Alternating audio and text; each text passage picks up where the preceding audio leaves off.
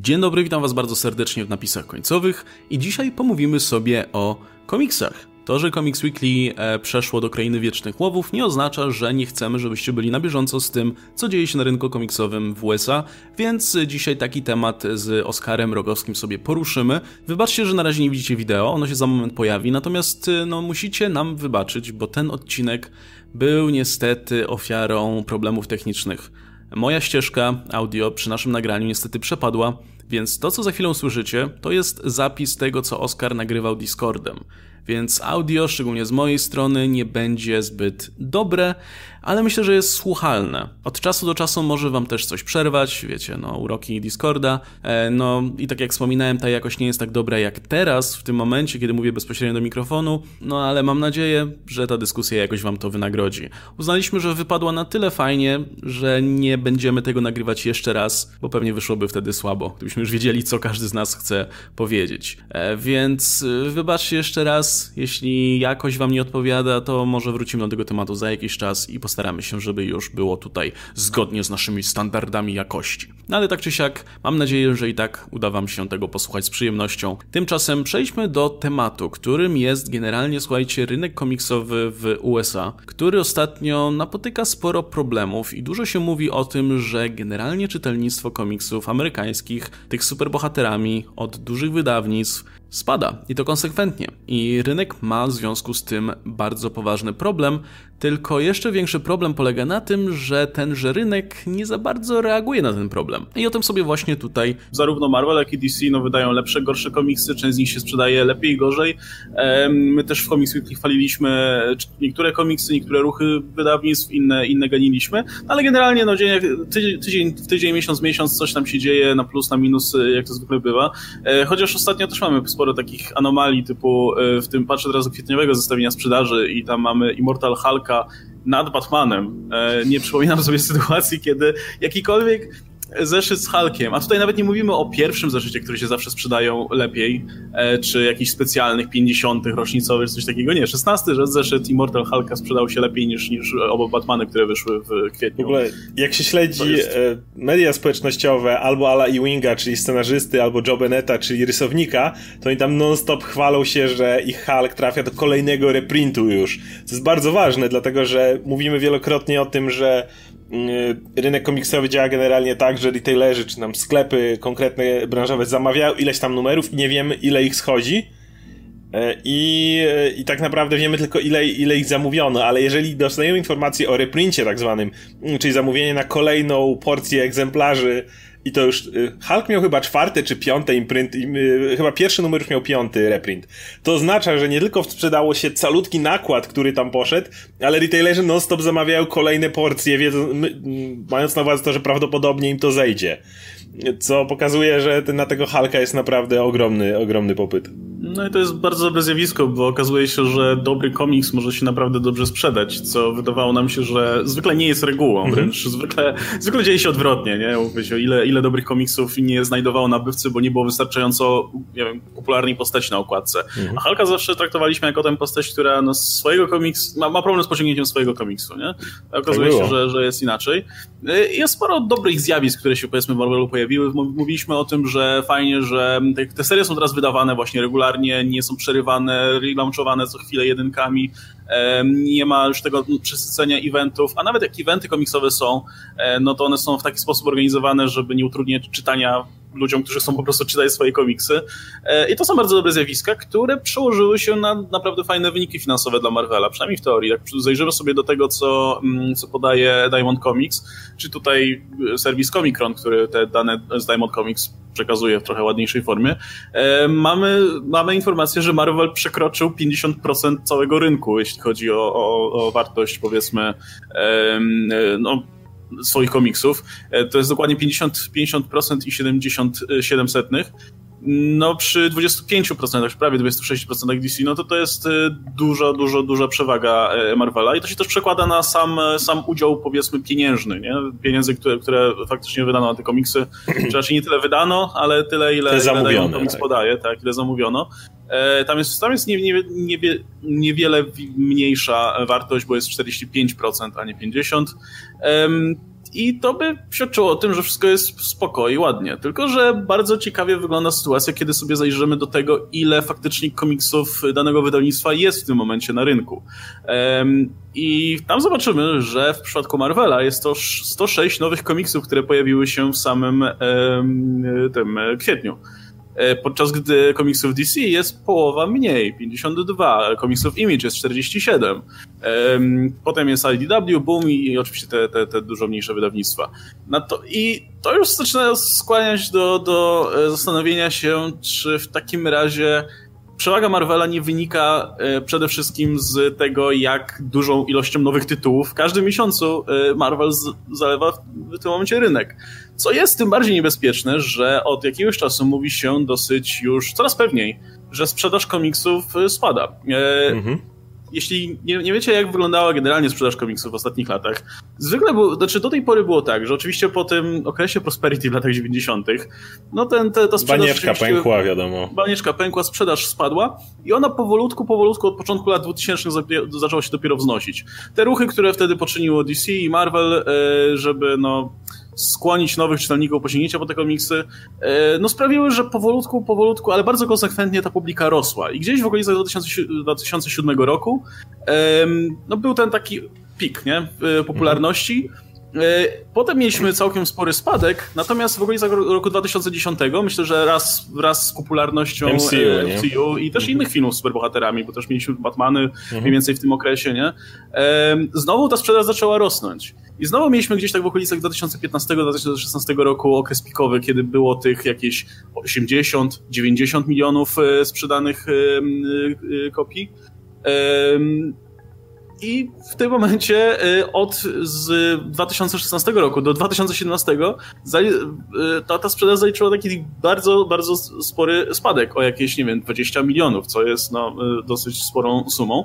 I w 2018 też był spadek mniejszy, ale jednak, ale cały czas jednak dalej się utrzymuje.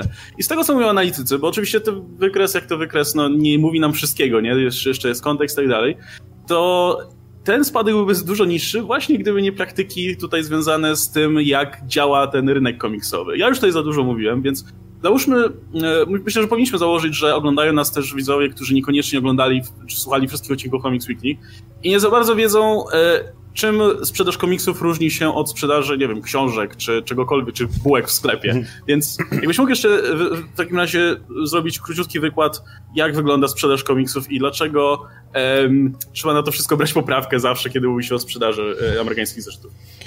Jedyna statystyka, jedyny numerek, jaki mamy dostępny, jeśli chodzi o sprzedaż komiksów, to jest ten największy dystrybutor komiksowy w Stanach Zjednoczonych, czyli Diamond Comics. E, o tym, jak on działa, powiem zaraz, ale już w tym momencie miejcie na uwadze, że nie jest to jedyny sposób na to, jak komiksy trafiają w ręce czytelników.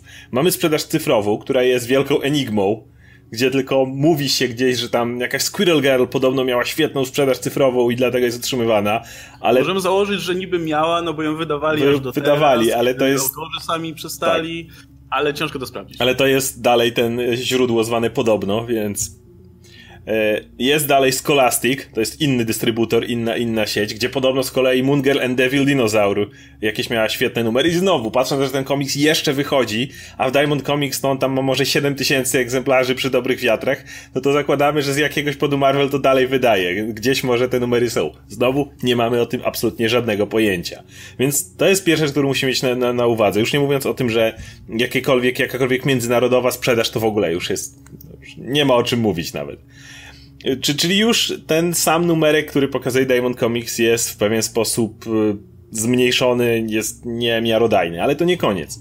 Ważne jest to, że ten numerek pokazuje nam jedynie ilość komiksów, ilość zeszytów, która trafiła do retailerów, czyli de, de facto do sklepów branżowych, a nie ilość komiksów, która została tak naprawdę sprzedana, ponieważ wygląda to tak, że powiedzmy, wychodzi jakiś duży event mm, i e, odpowiedni retailer uznaje, że ten event sprzeda się w takiej takiej e, ilości egzemplarzy. To nie jest też aż tak proste, ponieważ e, wydawnictwa mają swoje najróżniejsze triki, żeby trochę zmusić ich do kupowania odrobinę większych ilości przez różne warianty, ale o tym pewnie pogadamy zaraz przy tych hamskich praktykach, więc na razie to opominę.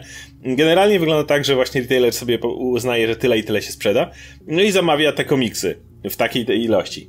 I później jeżeli one nie sprzedadzą się w takiej ilości, to nie ma żadnego zwrotu. Nie może dokonywać zwrotów, nie może odesłać tych komiksów i ostatecznie podać faktycznej liczby. Musi je spróbować dalej sprzedawać. Umówmy się, sprzedawanie ich po paru miesiącach robi się bardzo, bardzo trudne. I przez to znowu nie bardzo wiemy tak naprawdę, jak duże jest zainteresowanie. Wiemy tylko, jak duże zainteresowanie oszacowali retailerzy którzy idą przez Diamond Comics jeszcze. Więc to naprawdę takie mocne zawężenie całej tej statystyki, y, przez którą ostatecznie na ten cały rynek komiksowy i na tym, co odniosło faktycznie ogromny sukces, patrzymy z bardzo, bardzo dużego dystansu. Na przykład te Batmany, które się tak świetnie sprzedają, wiemy tylko i wyłącznie, że sprzedają się świetnie w sklepach specjalistycznych. Równie dobrze jakiś inny komiks może sprzedawać się w sumie więcej niż te Batmany, ale inną drogą dystrybucji. Więc znowu był, była sytuacja z chociażby ślubem Batmana, kiedy masa osób była bardzo niezadowolona, ale wcześniej zamówiono go na, w ogromnych egzemplarzach. Wiadomo, ślub Batmana to się sprzeda jak, jak ciepłe bułeczki. Okazało się, że po, kiedy e, pojawił się ten spoilerowy artykuł, już nie pamiętam gdzie dokładnie, ale był ten spoilerowy artykuł, który dokładnie opisał, co dzieje się w samym komiksie nagle sprzedaż, nagle y, klienci stracili zainteresowanie, no a retailerzy byli po prostu obładowani zeszytami ze ślubem Batmana i no to pokazuje jak ten rynek jest ułomny. Mhm. No i teraz, y, kiedy mamy statystyki, czy raczej mamy podaną liczbę egzemplarzy albo, albo pieniądze, które dany komiks wygenerował w danym miesiącu, no to tak jak, tak jak Oskar powiedział, to nie są faktycznie komiksy, które się sprzedały, ale komiksy, które e, zostały zamówione, nie? Na bazie preorderów i tak dalej. Tam jest jeszcze oczywiście ta tradycja na rynku komiksowym, że się składa preordery, nie? Że mówi, że, że sklep, idziesz do sklepu komiksowego, mówisz, że no ja zamówię ten komiks, znaczy chcę ten komiks, ten komiks, ten komiks, sprzedawca ci go zamawia, wie, że wtedy on się sprzeda. Teoretycznie przynajmniej oczywiście może nie przyjść go nie kupić, nie? Ale no tak to działa. To jest mały rynek, więc to jeszcze ma jakieś, jakąś rację bytu.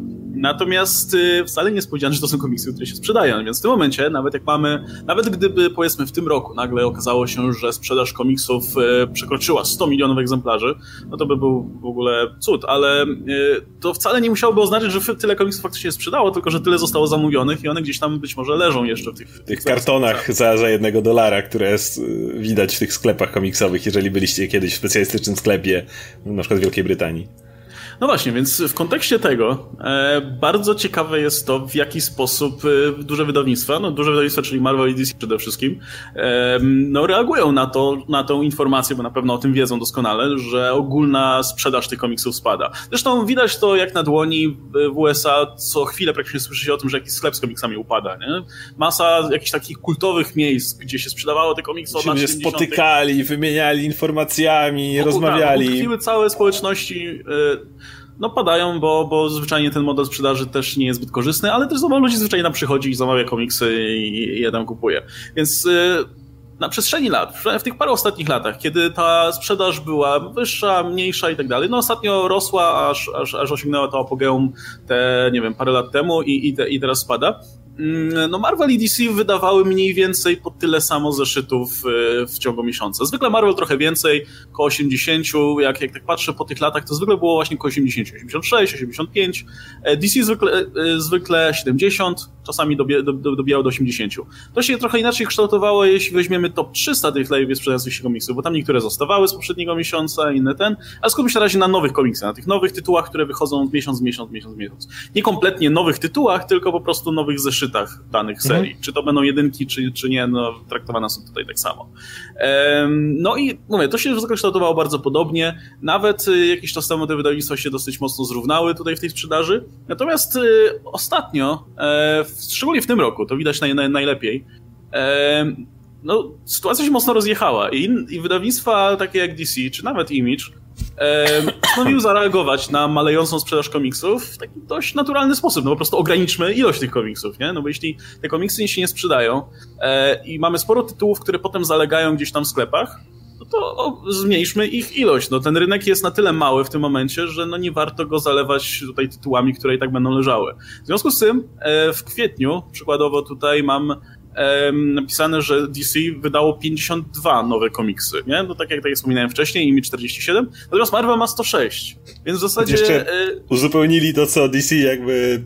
Tak, tak dokładnie, to, to oni najwyraźniej zorientowali się, że zrobiła się przestrzeń teraz, no to władujmy tam nasze nowe komiksy, co jest moim zdaniem dosyć krótkowzroczne w tym momencie, bo zaraz przejdziemy jeszcze do tych oczywiście praktyk biznesowych, ale nawet pomijając tę całą kwestię, no to to jest y, bardzo to może to jest trochę naiwne, ale to jest takie bardzo niesolidarne względem tego Czy... podupadającego rynku, nie? Ja mam nawet takie porównanie, że wydaje mi się, że jakby wszyscy zdają sobie sprawę, że ten rynek pierdzielnie. Prędzej czy później. On jest tak bardzo źle zrobiony, jest tak przestarzały, tak kompletnie nieadekwatny do dzisiejszych czasów i też zaraz sobie pogadamy o porównaniach i o tym, jak ten rynek odstaje od, nie wiem, rynku seriali, filmów, innego rodzaju historii w mediach, która jest nam jakoś przekazywana, że wiadomo, że on się przewróci. On nie ma szansy już, już wiele lat pozostać.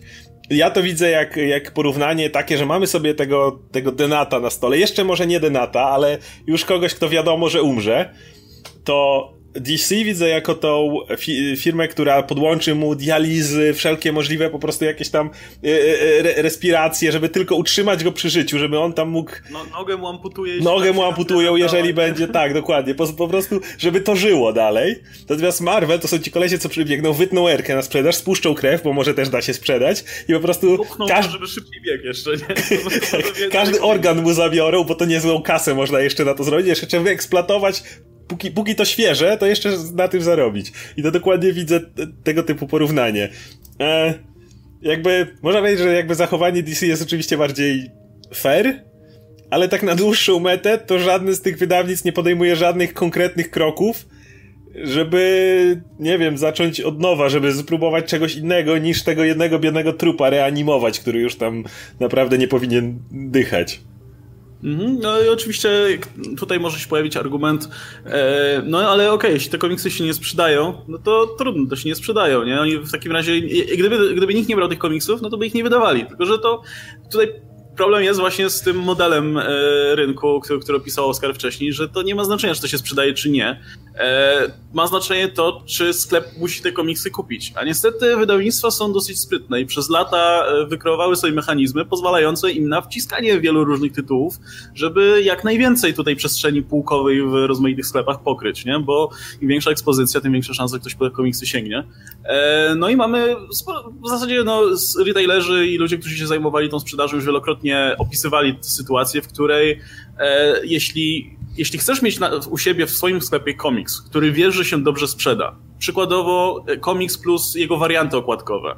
E, Wiele do, do wariantów, to do tego, do tego też jeszcze wrócimy. Czy jakiś po prostu komiks, który się dobrze sprzedaje, no to wydawnictwo mówi, ok, ale to musisz zamówić jeszcze w takim razie nasz nowy tytuł e, Moon Girl kontra Squirrel Girl, e, wiesz, e, event, bo, e, bo wtedy damy, damy, damy ci możliwość, nie wiem, czasami to w ogóle, nie wiem, wzięcia udziału w losowaniu, czy możesz dany komiks jeszcze, jeszcze dołączyć do swojej oferty, czy nie. No więc taki sprzedawca no, musi się na to godzić, bo zakłada, że sprzedaż tego jednego popularnego komiksu w jakiś sposób mu wynagrodzi ewentualne zaleganie na półkach tego mniej popularnego. No ale jak wydawnictwo chce, no to, to, to, to nic nie zrobi. Może nie zamawiać, wolna droga, ale wtedy y, liczy się z tym, że... No, po, no... Powodzenia z utrzymaniem y, sklepu, kiedy najnowszy event, nie War of the Realms, czy ślub Batmana, czy Doomsday Clock, kiedy, y, wiesz, nie, nie masz go u siebie Archie, w ofercie. I, i IDW. No. no, to, jest, to jest troszkę w tym momencie problem, nie?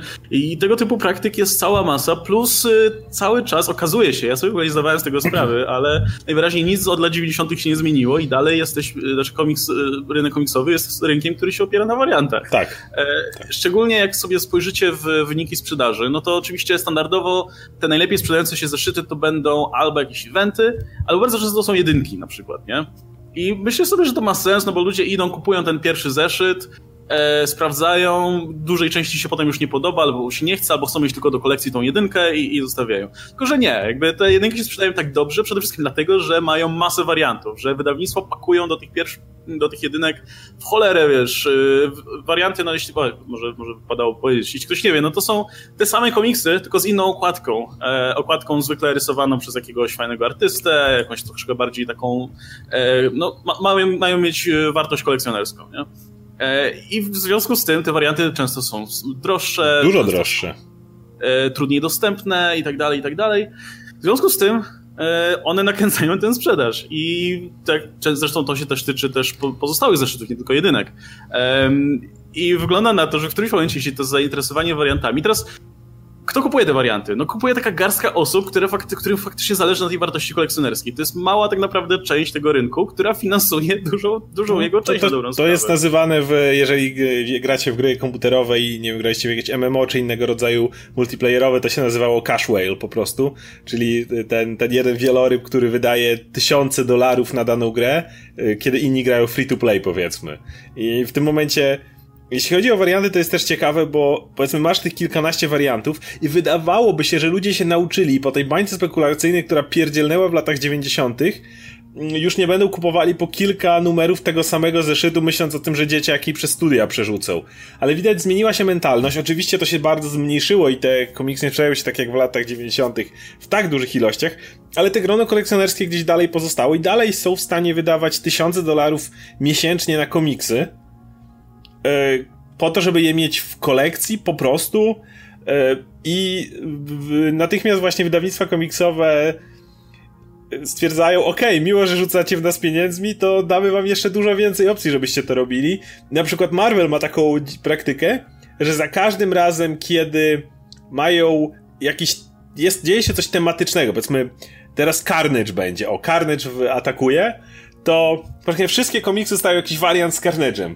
Wrócił Venom, wszystkie miksy wariant z Venomem był motyw z, e, nie wiem, bodajże z nowy run e, Spencera od Spider-Manem, gdzie schodzą się z Mary Jane, wszystkie warianty z Mary Jane, powiedzmy, czy coś w tym rodzaju. I po każdy możliwy komik zostaje wtedy nagle serię wariantów i mało tego, to jest jeszcze o tyle chamski ruch dla kolekcjonerów, że nie tylko mówią ci kup pięć numerów tego samego Spidermana, ale w tym miesiącu kup wszystkie nasze zeszyty, żeby mieć wszystkie okładki z Mary Jane, jeżeli chcesz mieć, bo inaczej nie masz pełnej kolekcji, przykro mi.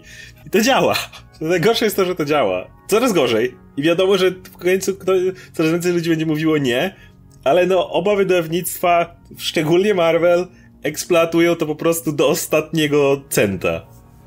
No tak, tym bardziej, że e, dla osoby z zewnątrz to jest bardzo absurdalna sytuacja, że kupujesz te zeszyciki i trzymasz je w tych folikach e, i w sumie jakby tyle, nie? I dla, dla nowych odbiorców to jest jakby fakt, że, sprzed, że, że najdroższa w tym wszystkim jest ta, ta, ta, ta, cała kolekcjonerska otoczka, a nie czytanie historii, e, no jest czymś, co w zasadzie no, wydaje się ciężko w to wejść, umówmy, powiedzmy sobie w ten sposób. I tych osób, które faktycznie w tym momencie finansują ten rynek, kupując te wszystkie warianty i wydając pieniądze na te kolekcjonerskie rzeczy, e, a nie po prostu na komiksy do czytania sobie co, co, co miesiąc, no będzie malała i malała i malała, bo coraz mniej osób będzie mimo wszystko wchodzić mm. w ten temat, nie? No jasne, że część będzie się w to angażować, ale, ale coraz mniej. Bo też ten model jest no, coraz bardziej nieprzystający do tego, jak dzisiaj konsumujemy media. Szczególnie właśnie na, na tle innych, bo tu możemy teraz przejść do tego. Kiedy popatrzymy na to, jak zmienił się model dajmy na to nawet kina. Jasne, cały czas bilety są za drogie, mówimy o tym, że są za drogie,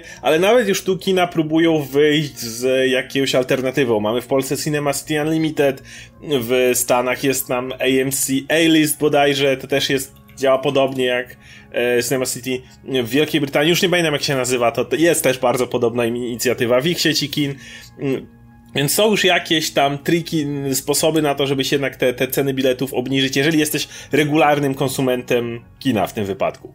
No seriale, no to wiemy, streaming, który jest po prostu uderza ze wszystkich stron i na dobrą sprawę, jeżeli zastanowimy się, ile kosztuje nas obejrzenie jednego odcinka jednego serialu, a można to spokojnie przełożyć na ten 20-stronicowy komik, w którym czasami akcja jest dosłownie też tak upakowana, no to jeżeli przeliczymy na to, ile kontentu leci naraz na Netflixa, powiedzmy, i płacimy za niego te ile? 40 zł, jeżeli korzystamy z tej opcji e, HD i nie dzielimy tego z nikim na pół, no to cały czas jeden odcinek serialu jest naprawdę tani.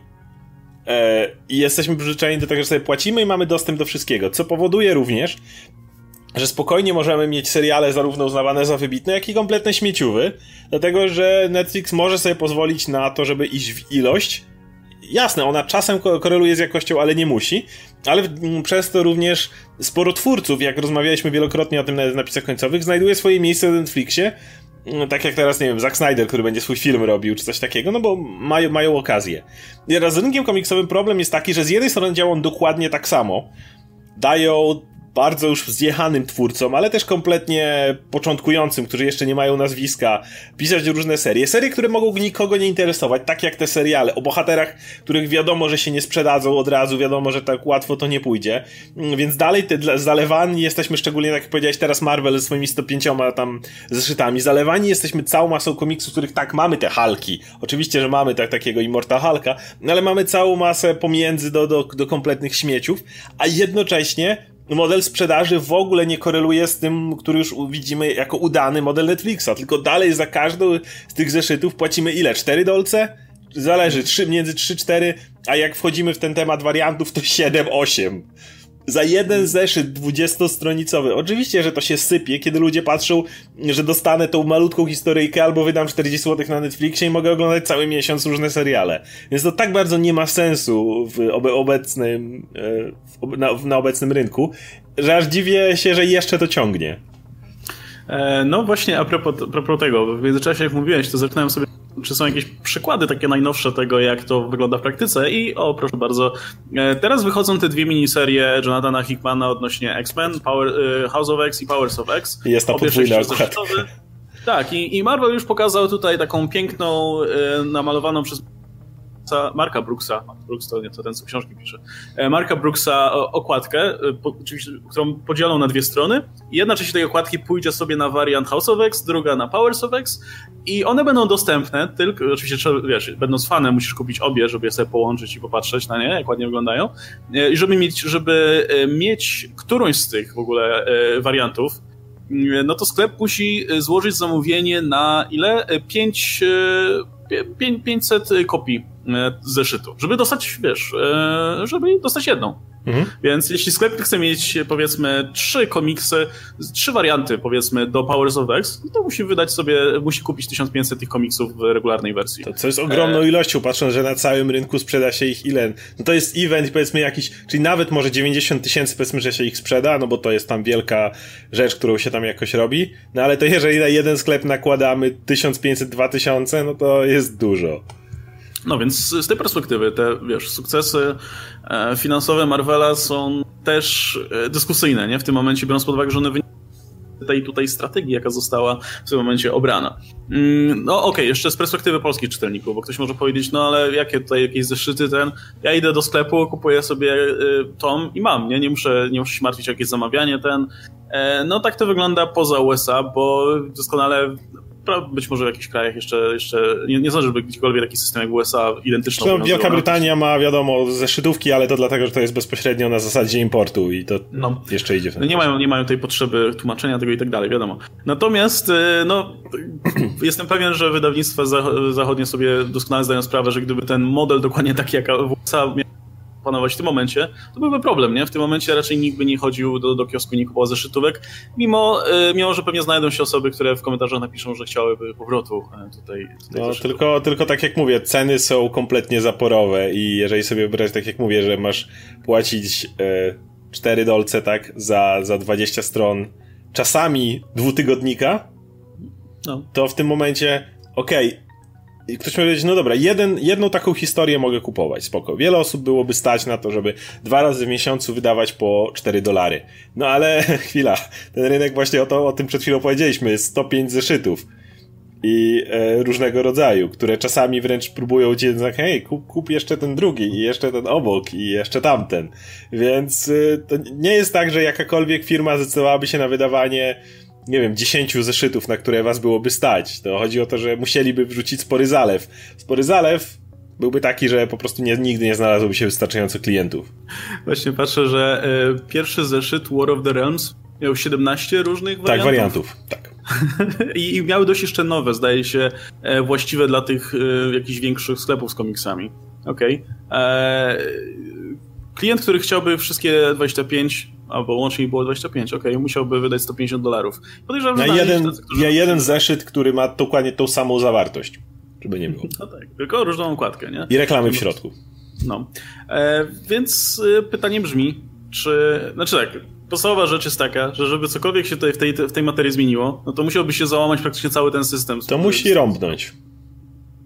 To się stanie prędzej czy później. Nie, ma, nie ma opcji, żeby to wyratować. To, to, to może nie dzisiaj, ale za 5 lat.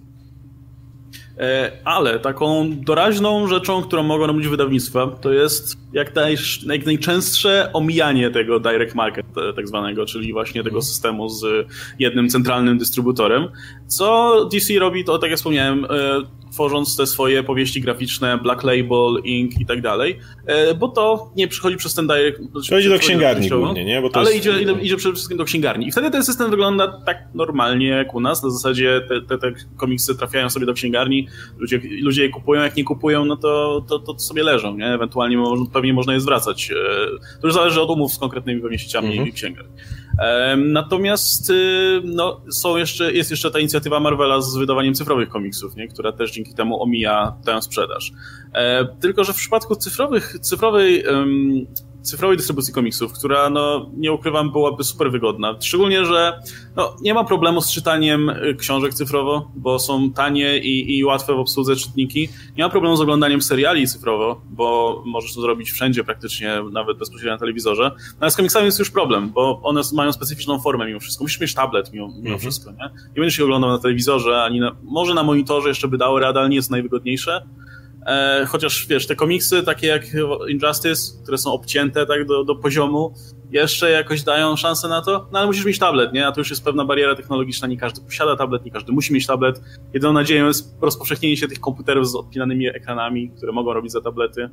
Tylko, że z e, drugiej strony to nie jest też wymówka, bo jakby dostosowanie formy do tego, żeby, okej, okay, telewizor to już za duże, nikomu się nie chce czytać na telewizorze, ale już dostosowanie jakby, żeby dobrze wyglądało to na monitorze na przykład, no to nie jest jakaś, jakaś magia, to nie jest jak się rocket science, żeby po prostu zmienić formę. Popatrz na to na przykład, że w Korei e, ogromny, niedawno pojawił się nowy sposób czytania komiksów, nowy, e, internetowy. Zresztą Marvel tam też ma swoje komiksy. Niedawno się dowiedziałem w ogóle, że są super bohaterki Marvela, które istnieją tylko w Korei, na ich licencji.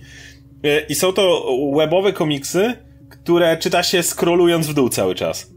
Masz sobie komiks i cała historia jest opowiedziana, po prostu scrollujesz i non-stop kadry są umieszczone tylko i wyłącznie pionowo. W Korei robi kompletny szał. Po pierwsze działa to na telefonach całkiem nieźle Skoro masz każdy, każdy kadr i sobie tylko po prostu zjeżdżasz w ten sposób, no da, naprawdę da się.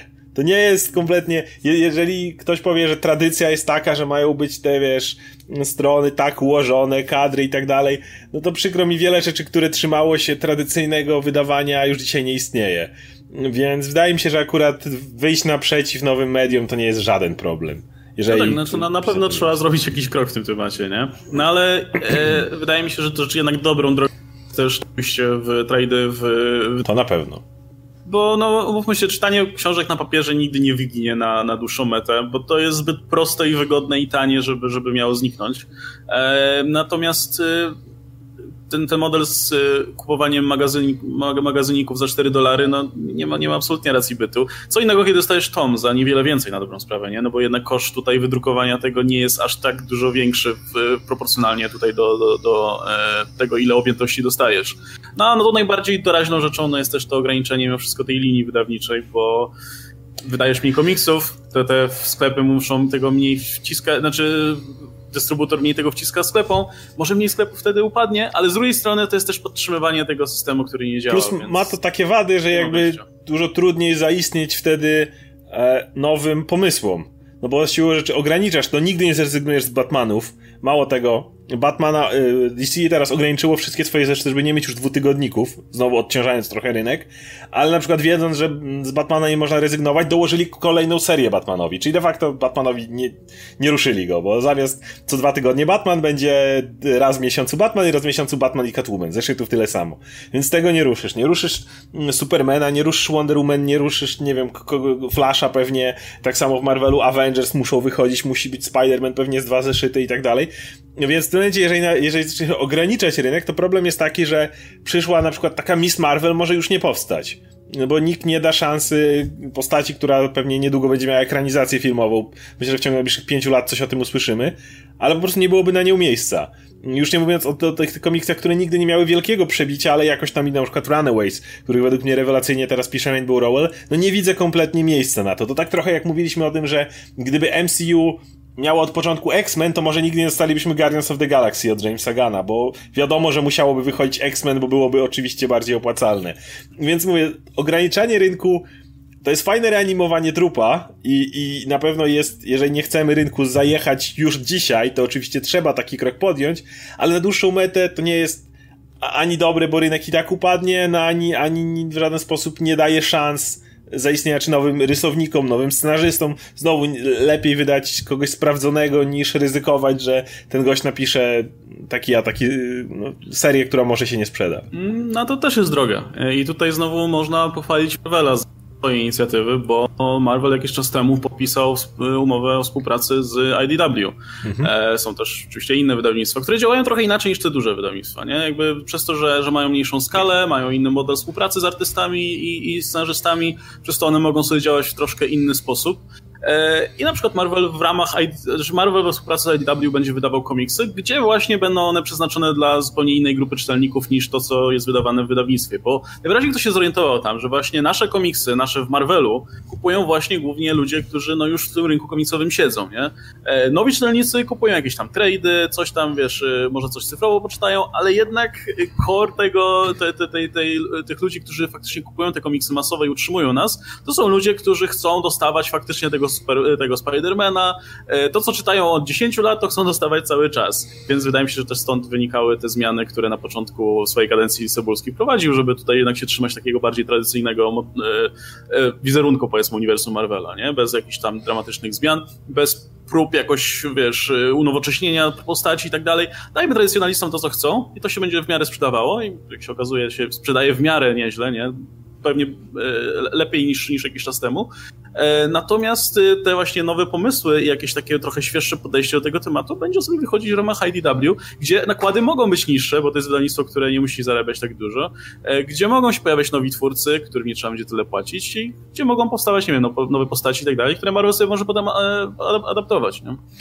Tylko jeszcze, żeby zobrazować, jak bardzo jest to sytuacja bez wyjścia i jak bardzo nie ma czegoś takiego jak złoty środek na tym obecnym rynku, warto popatrzeć na odzew i narzekania retailerów.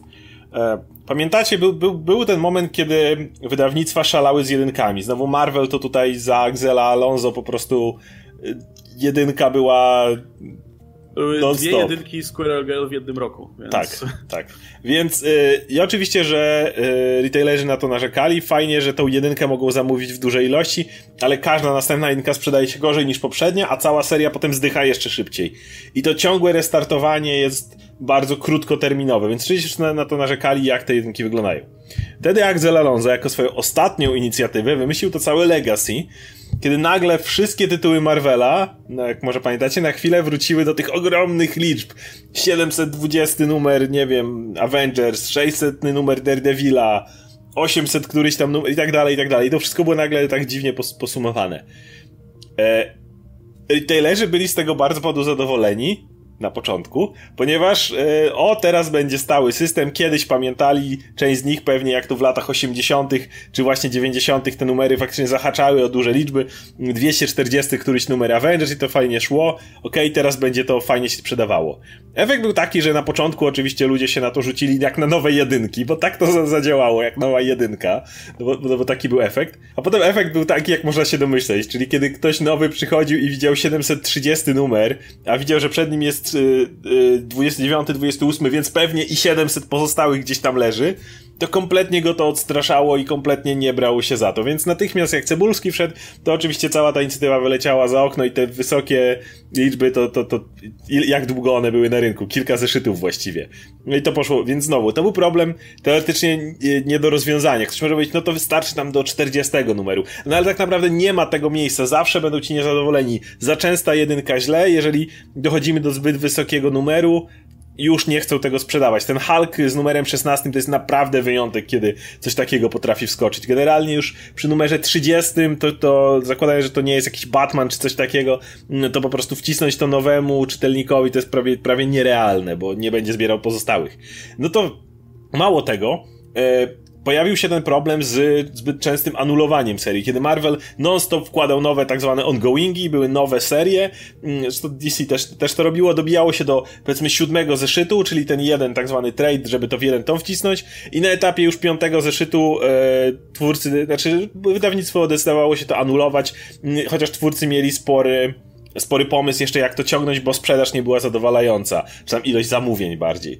I to znowu y, było problemem, dlatego że y, czytelnik y, nie ufał wtedy takiemu, takiemu numerowi. Czy mam się faktycznie w to angażować, wydawać czas, y, znaczy spędzać czas, wydawać pieniądze na serię, w którą się angażuję, jeżeli za chwilę usłyszę, że będzie anulowana, więc wolał poczekać na trade. Kiedy czekał na trade, automatycznie powodowało to, że zeszyty sprzedawały się To gorzej, więc było to anulowane. I znowu błędne koło, z którego tak naprawdę nie było absolutnie żadnego wyjścia.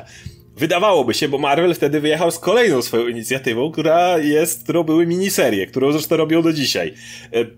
Te 105 y, zeszytów, o których słyszeliście, wynika w dużej mierze z tego, że Marvel bardzo nastawia się teraz na miniserię. Mamy sobie, powiedzmy, główną serię Punishera czy, czy coś i jeżeli chcemy dać szansę czemuś nowemu, to nie zaczynamy natychmiast od ongoingu, czyli od pełnej serii wystrzelonej, żeby ludzie się zniechęcili, tylko reklamujemy to jako miniserię pięciozeszytową, powiedzmy, y, czy trzyzeszytową nawet i jeżeli ona się sprzeda, jeżeli będzie duży jakiś, coś się kręciło wokół niej, duży hype, to może przedłużymy to i zrobimy z tego potem kolejny kolejny ongoing z tymi bohaterami, z tą ekipą kreatywną.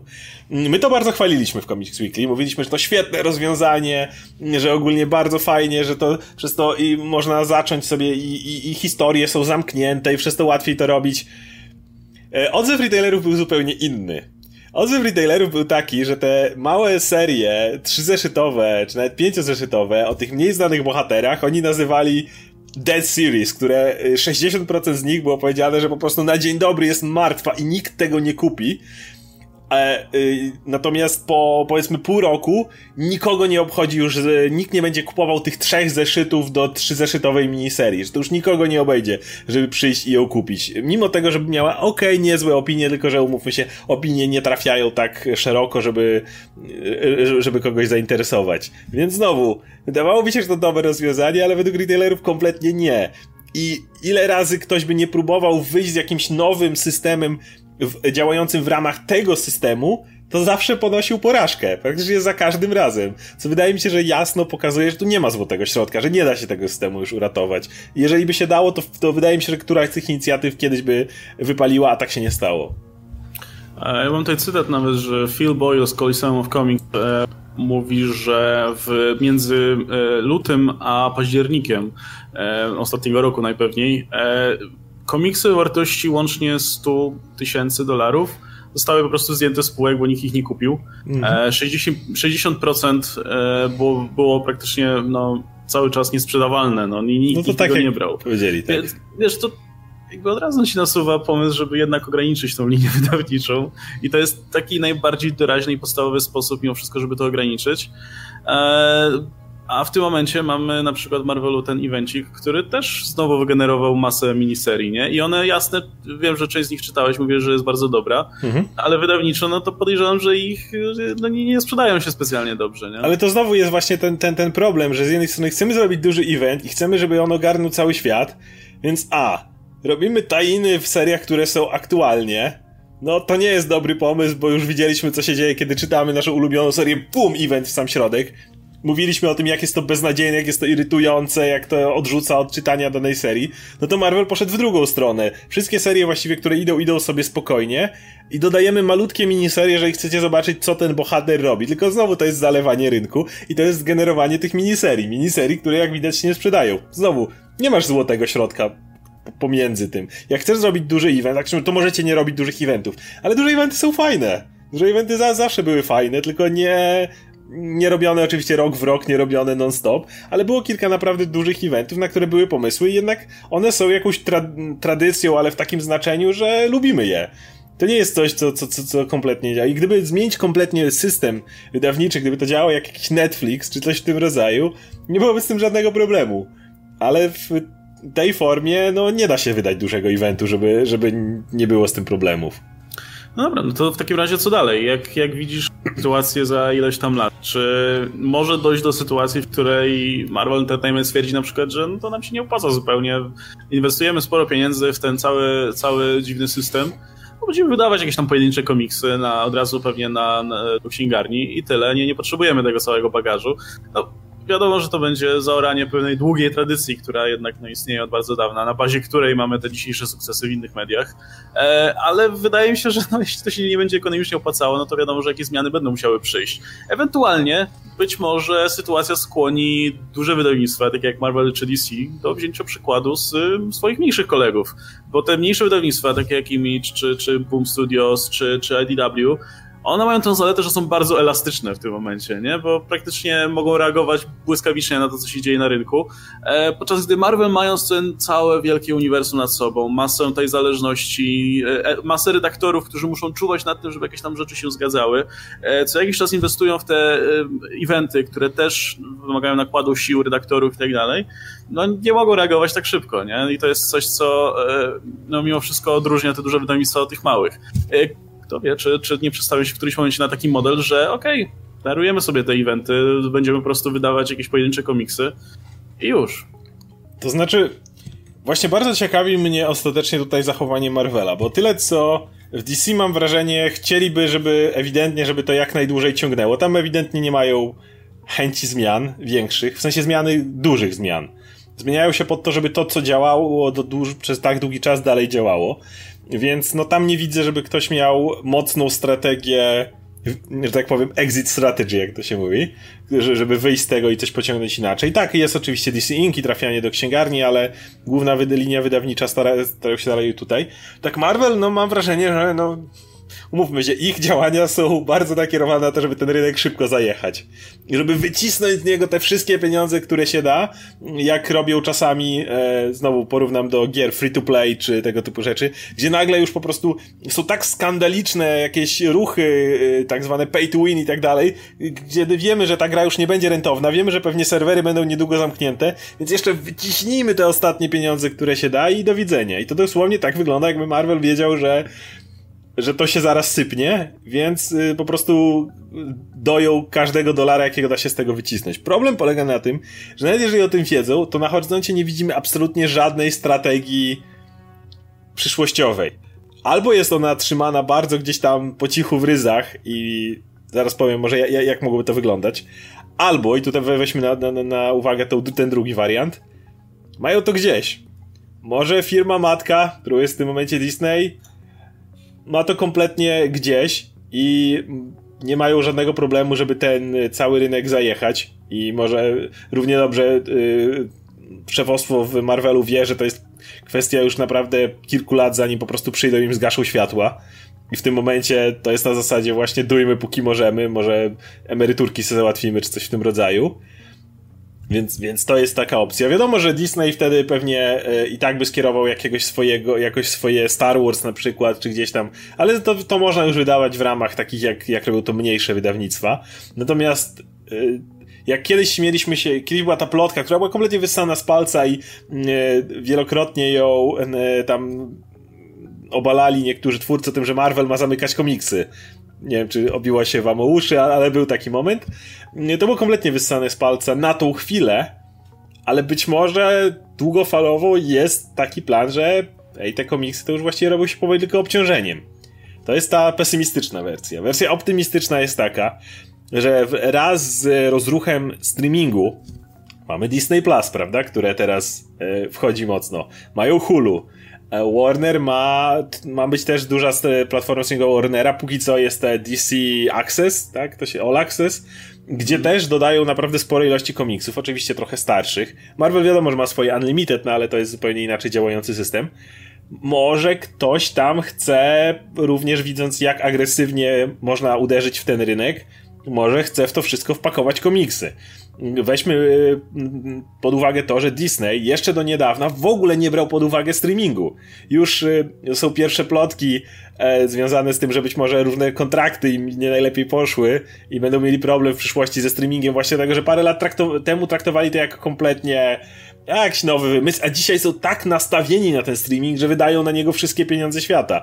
Więc kto wie, czy również i to, to nie dzieje się z rynkiem komiksów. Ja bym osobiście bardzo chętnie przywitał taki model, ale to są tylko moje spekulacje, których jakby nie ma. Natomiast dla papierowych komiksów na tą chwilę, dla zeszytówek przede wszystkim, ja nie widzę żadnej przyszłości, absolutnie żadnej.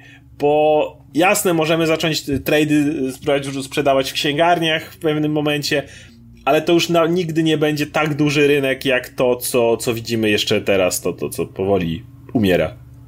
Który działa, bo działa, bo tradycyjnie działał w ten sposób bardzo dawno. E, wydaje mi się też, że no, sporo. No, w najbliższych latach na pewno ten model, który znamy teraz i ogólnie ten system, który znamy teraz, nie tylko wydawniczy, ale też właśnie redaktorsko, jak to wygląda, no to się zmieni na pewno w coś, co będzie mogło, co będzie generowało na pewno mniej, mniej, mniej kosztów i, i, i będzie, będzie tańsze po prostu w utrzymaniu.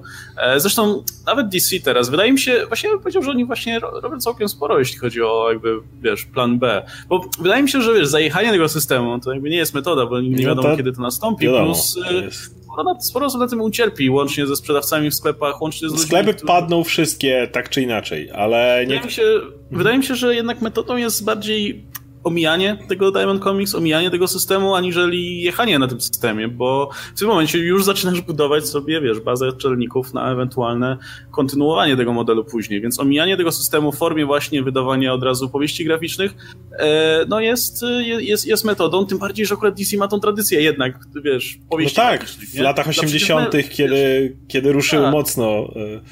I dzisiaj przeciętna osoba, która nie siedzi w komiksach, która myśli sobie o komiksach DC, no to ma na myśli właśnie wielkie tomiszcze Dark Knight Returns, jakieś tomiszcze z jakimś innym Batmanem, mm -hmm. jakieś tomiszcze z Supermanem, a nie te serie, które są wydawane, które, no. wiesz, stosunkowo mają dużo mniejszą mimo wszystko rozpoznawalność.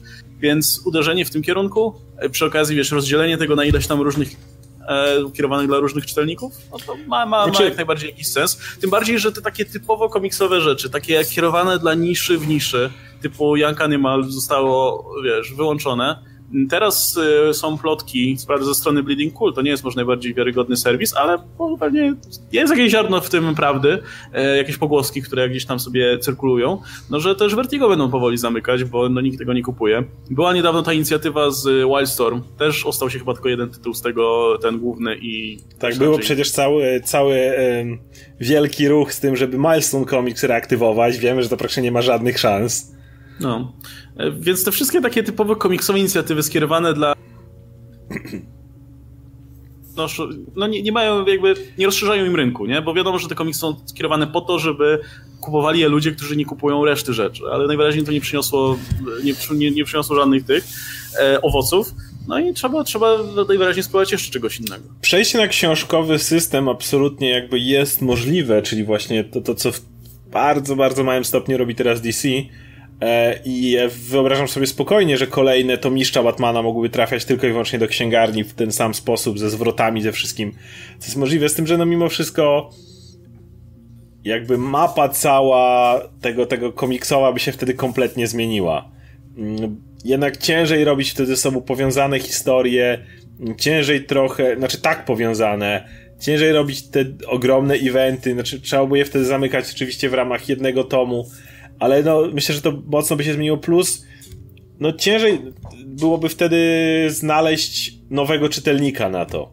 Bo jednak to trzeba by mocno od nowa zaczynać. DC już szuka w tym momencie, ale znowu, te, te, te treści DC, które idą do księgarni, to nie, są, to nie są też te Batmany, które czytamy. DC Inc. jest kierowana przede wszystkim do nastoletniej widowni. E, jak się nazywa ta DC um, inicjatywa do jeszcze młodszych e, widzów kierowanych, do dzieci? Bo jest jakby Ink to jest nastolatkowie, ale jest ta jeszcze druga inicjatywa, w której, e, która jest kierowana w ogóle do, do, do najmłodszych. Gdzie jest na przykład e, nowe Adventures of Super Sons, coś tam. I... DC, Ink DC Zoom. DC Zoom, okej. Okay. No więc jest jeszcze właśnie te, te DC Zoom, które, które jest kierowane w ogóle do najmłodszych, no ale to jest cały czas inny target. Przeniesienie w jakiś sposób tych czytelników, którzy są obecnie i pozyskanie nowych, to będzie wydaje mi się, że praca na lata i pytanie, czy ona się naprawdę na pewno opłaci w kontekście tego, jak reszta rynku się zmienia. No bo komiksy nie są książkami, a nie, nie, komiksy są bardziej serialami w większości, które są w formie papierowej. Jak myślę o, o, o komiksie tego typu Batmanie, Spidermanie, to bardziej do głowy przychodzi mi serial niż zamknięta powieść tych zamkniętych powieści komiksowych oczywiście też istnieją, ale jest na, na, na skali tego dużo, dużo mniej. Więc tym na tym etapie zaczynam się zastanawiać, jednak jesteśmy przyzwyczajani bardzo mocno do innego rodzaju konsumpcji seriali. I to nawet już nie, nie za sprawą Netflixa czy czegoś takiego, no ale już jakby idea binge-watchowania pojawiła się na długo zanim Netflix istniał. Mm. E, ale też więc... jakby właśnie e, wspomniałem się o tym sposobie konsumowania seriali. Się trochę odzwyczajamy od traktowania seriali jak które, się, które nie mają końca E, wiesz, że będziesz oglądał przez najbliższe 10 lat, bo jak stacja zaczęła ten serial i się mhm. dobrze sprzedaje, no to będzie go produkować. No, biorąc pod uwagę, jak teraz wygląda model sprzedaży, czy w ogóle model platform streamingowych, Netflixowi czy komu innemu opłaca się zrobić, nie wiem, jeden sezon, dwa sezony jakiegoś serialu i przeskakiwać raz do nowego. Szczególnie, szczególnie, że te, ten jeden czy dwa sezony też są jakby, wiesz, jednym dużym filmem zwykle podzielonym na ileś tam odcinków. Co też może, wiesz, no, zmienia, nie wiem, przyzwyczajenia odbiorców, nie? To prawda, ale w tym momencie możesz porównać to też do y, komiksów, kiedy masz a, te sezony, które idą faktycznie, te, te seriale, które idą faktycznie długo, czyli jakieś, nie wiem, Orange is New Black, czy House of Cards, które gdyby pewnie nie afera z, przy Kevinie Spacey, pewnie byłoby zamawiane jeszcze kolejne sezony nie, nie, jestem w stanie tego na pewno powiedzieć, czy tam nie mieli jakiegoś super planu na tylko tyle sezonów, ale patrząc na to, że zmienili głównego bohatera, wydaje mi się, że byliby elastyczni pod tym względem.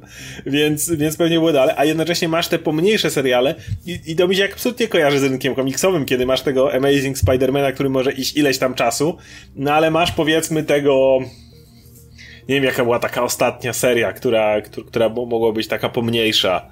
Eee, nie wiem, Midnighter i Apollo, albo Full Killer, czy coś takiego, no to jest przykład tych właśnie miniserii, miniseriali, które dalej istnieją.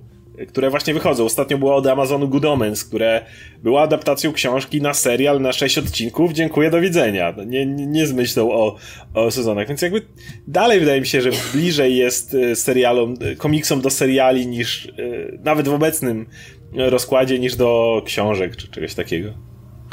No czyli innymi słowy, mm, musimy się nastawiać na duże zmiany, bo jeśli cokolwiek miałoby się tutaj zmienić, no to to pociągnie za sobą praktycznie masę innych rzeczy. W zasadzie cała optyka te, tego tematu komiksów superbohaterskich może się w tym momencie zmienić. No bo faktycznie, jeśli wydawnictwo przeszłyby na taki model, gdzie wydawałyby jakieś tam powieści graficzne, być może zlecałyby komuś tam robienie jeszcze więcej tego, ale dla innych rynków, korzystając z know-how, jakie mają inne wydawnictwa, no to faktycznie no, ta idea łączonego uniwersum się tutaj w tym momencie rozmywa. Tylko Bardzo. czy to na tym etapie to jest coś, co ściąga czytelni czytelników, czy raczej ciąży. Wydaje mi się, że e, choć pewnie obaj uważamy, że to ma sporo zalet z punktu widzenia no, nas, to jednak dla osoby, która wchodzi z zewnątrz, to jest bardziej, bardziej jednak ciężarem i czymś, co, czymś, co ogranicza publikę niż, niż, niż do niej przyciąga. Jak już kogoś przyciągnie, no to okej, okay, może sprawić, że ta osoba zostanie na dłużej mm -hmm. siłą rzeczy. I sięgnie po kolejne ale... tytuły ale ta spadająca sprzedaż świadczy o tym, że to jednak nie jest coś, co by aż tak, wiesz... Z drugiej strony możemy mówić o tym, że ta spadająca sprzedaż jest ze względu na to właśnie, jak cały system działa. Popatrz nawet na... Y, no, abstrahując od MCU, jak, bo wiadomo, że na, na skali filmowej to było jedyne właściwie uniwersum, które jakoś tam wypaliło, no ale już, już wystarczy spojrzeć na seriale, gdzie ludzie nawet sięgali po gorsze serie, jakieś tam Netflixowe, tych, tych Marvelowych, które nie miały dobrych e, opinii i sprawdzali tego Iron Fista, myślę, że bardzo dużo ludzi obejrzało, bo wiedziało, że to jest ten sam uniwersum co Daredevil.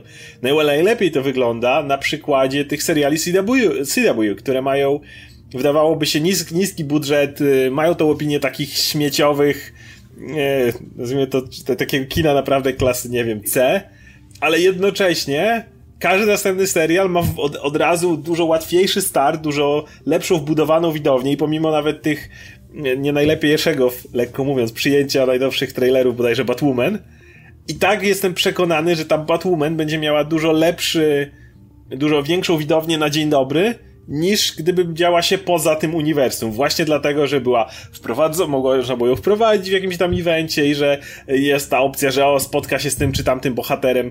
Wydaje mi się, że jednak jest tym urok i jest tym potencjał, nawet jeżeli przełożymy to na inne media i to działa. Myślę, że wielu twórców serialowych zazdrości CW, że pomimo stosunkowo niskich kosztów i nawet cały czas może recenzji właśnie takich na, na pograniczu tej śmieciówki, dalej są w stanie dodawać nowe seriale. Dalej są wszystkie te seriale, które były się utrzymują i Arrow będzie anulowany tylko dlatego, że główny, bo, główny aktor Steven Amell nie chciał grać, bo chciał więcej czasu rodzinie poświęcić. Ale gdyby nie, to pewnie zamawialiby kolejne sezony. Ja, nie wiem, po pierwszym sezonie miałem dosyć oglądania Legends of Tomorrow, ale patrzę, ten serial dalej wychodzi. Dalej ma, ma swoje grono e, widzów. Tak samo Supergirl, tak samo Flash. Wszystko to dalej wychodzi, więc jednak wydaje mi się, że ta siła łączonego uniwersum nawet w przypadku tych właśnie tasiemcowych rzeczy działa.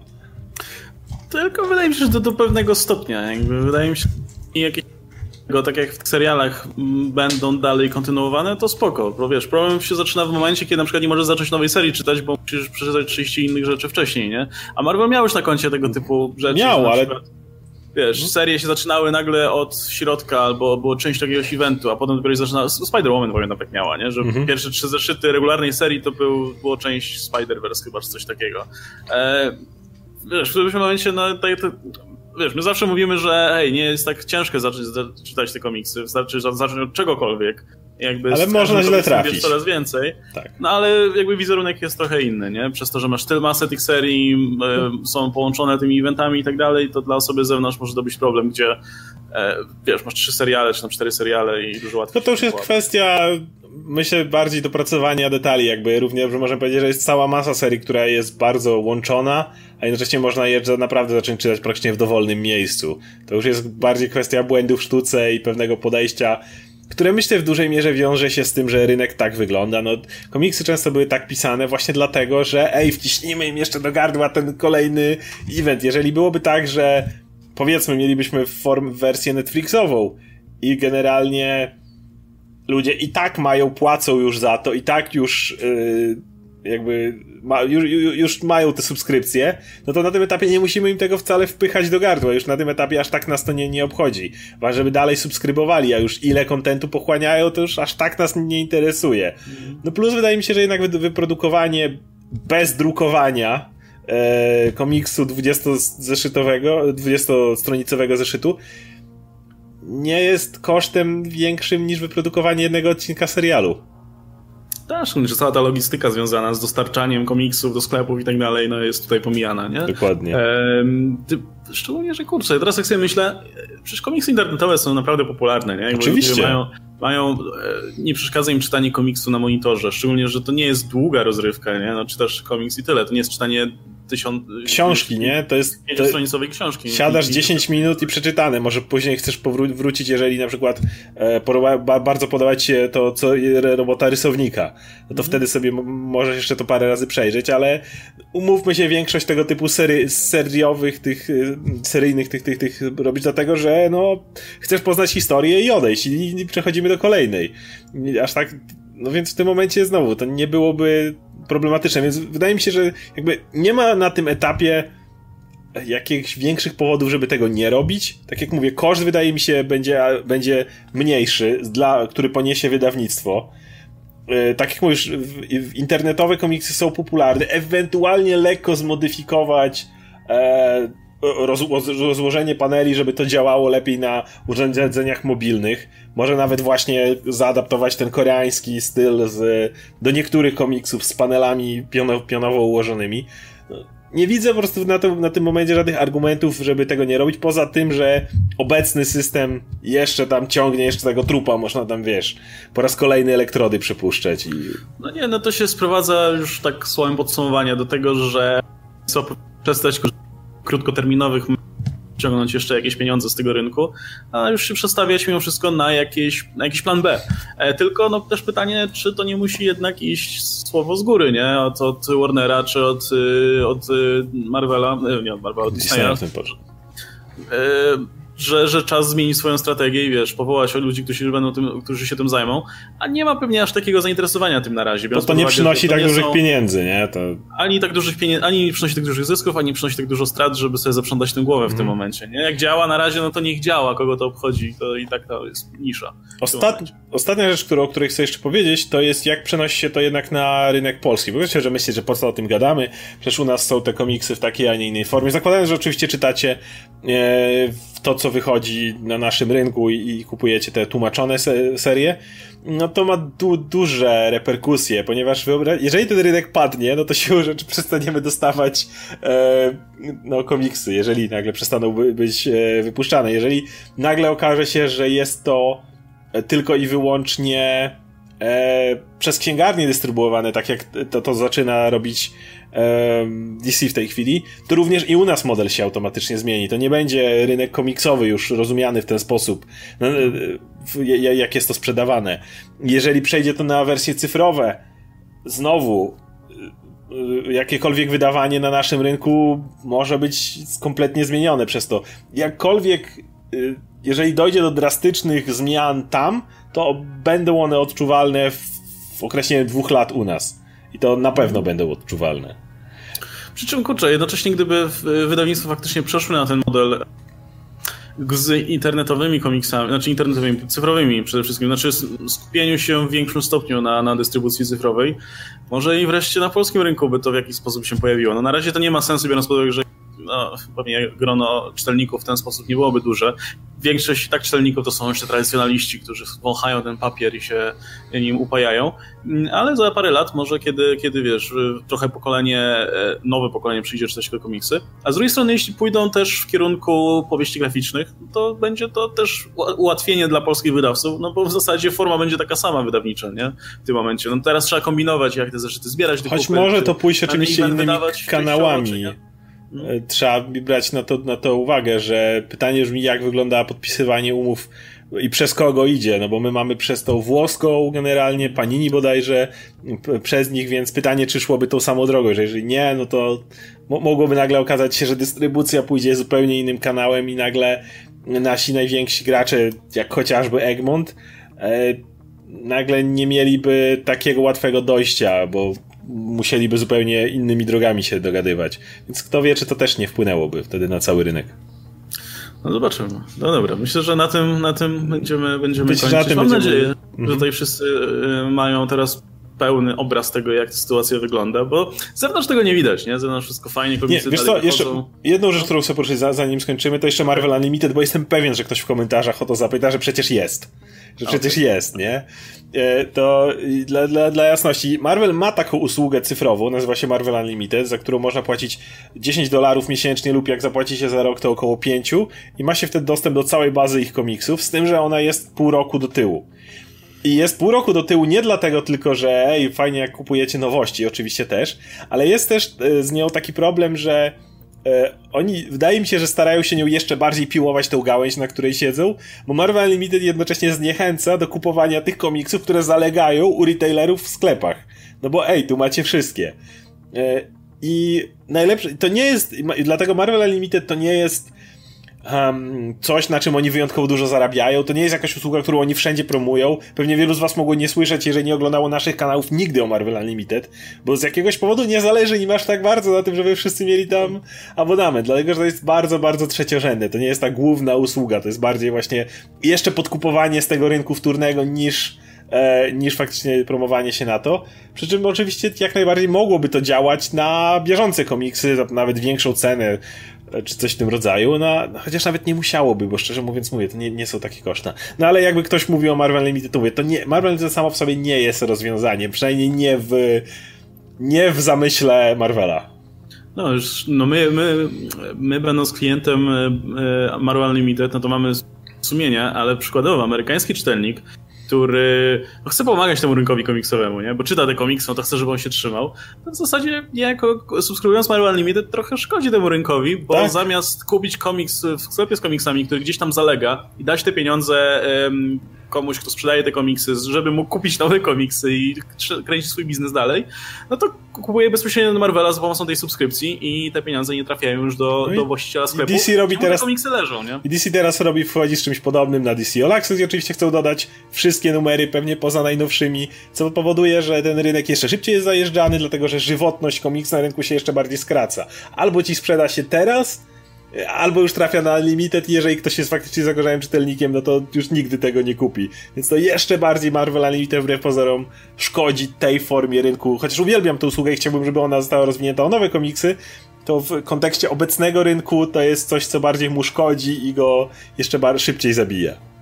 Okej, okay, no, takie wtrącenie a, było. Tak jak wspominaliśmy, sklep, praktycznie co tydzień się dostaje, dostajemy newsa, że jakiś sklep pada, nie? Więc to się, jeszcze później padną, większość z nich przynajmniej. E, Okej, okay, czy jeszcze coś tam zostało? To chyba wszystko. wszystko. No dobra. Dobra, to możemy kończyć. E, to było nasze oczywiście niedzielne wydanie e, napisów końcowych.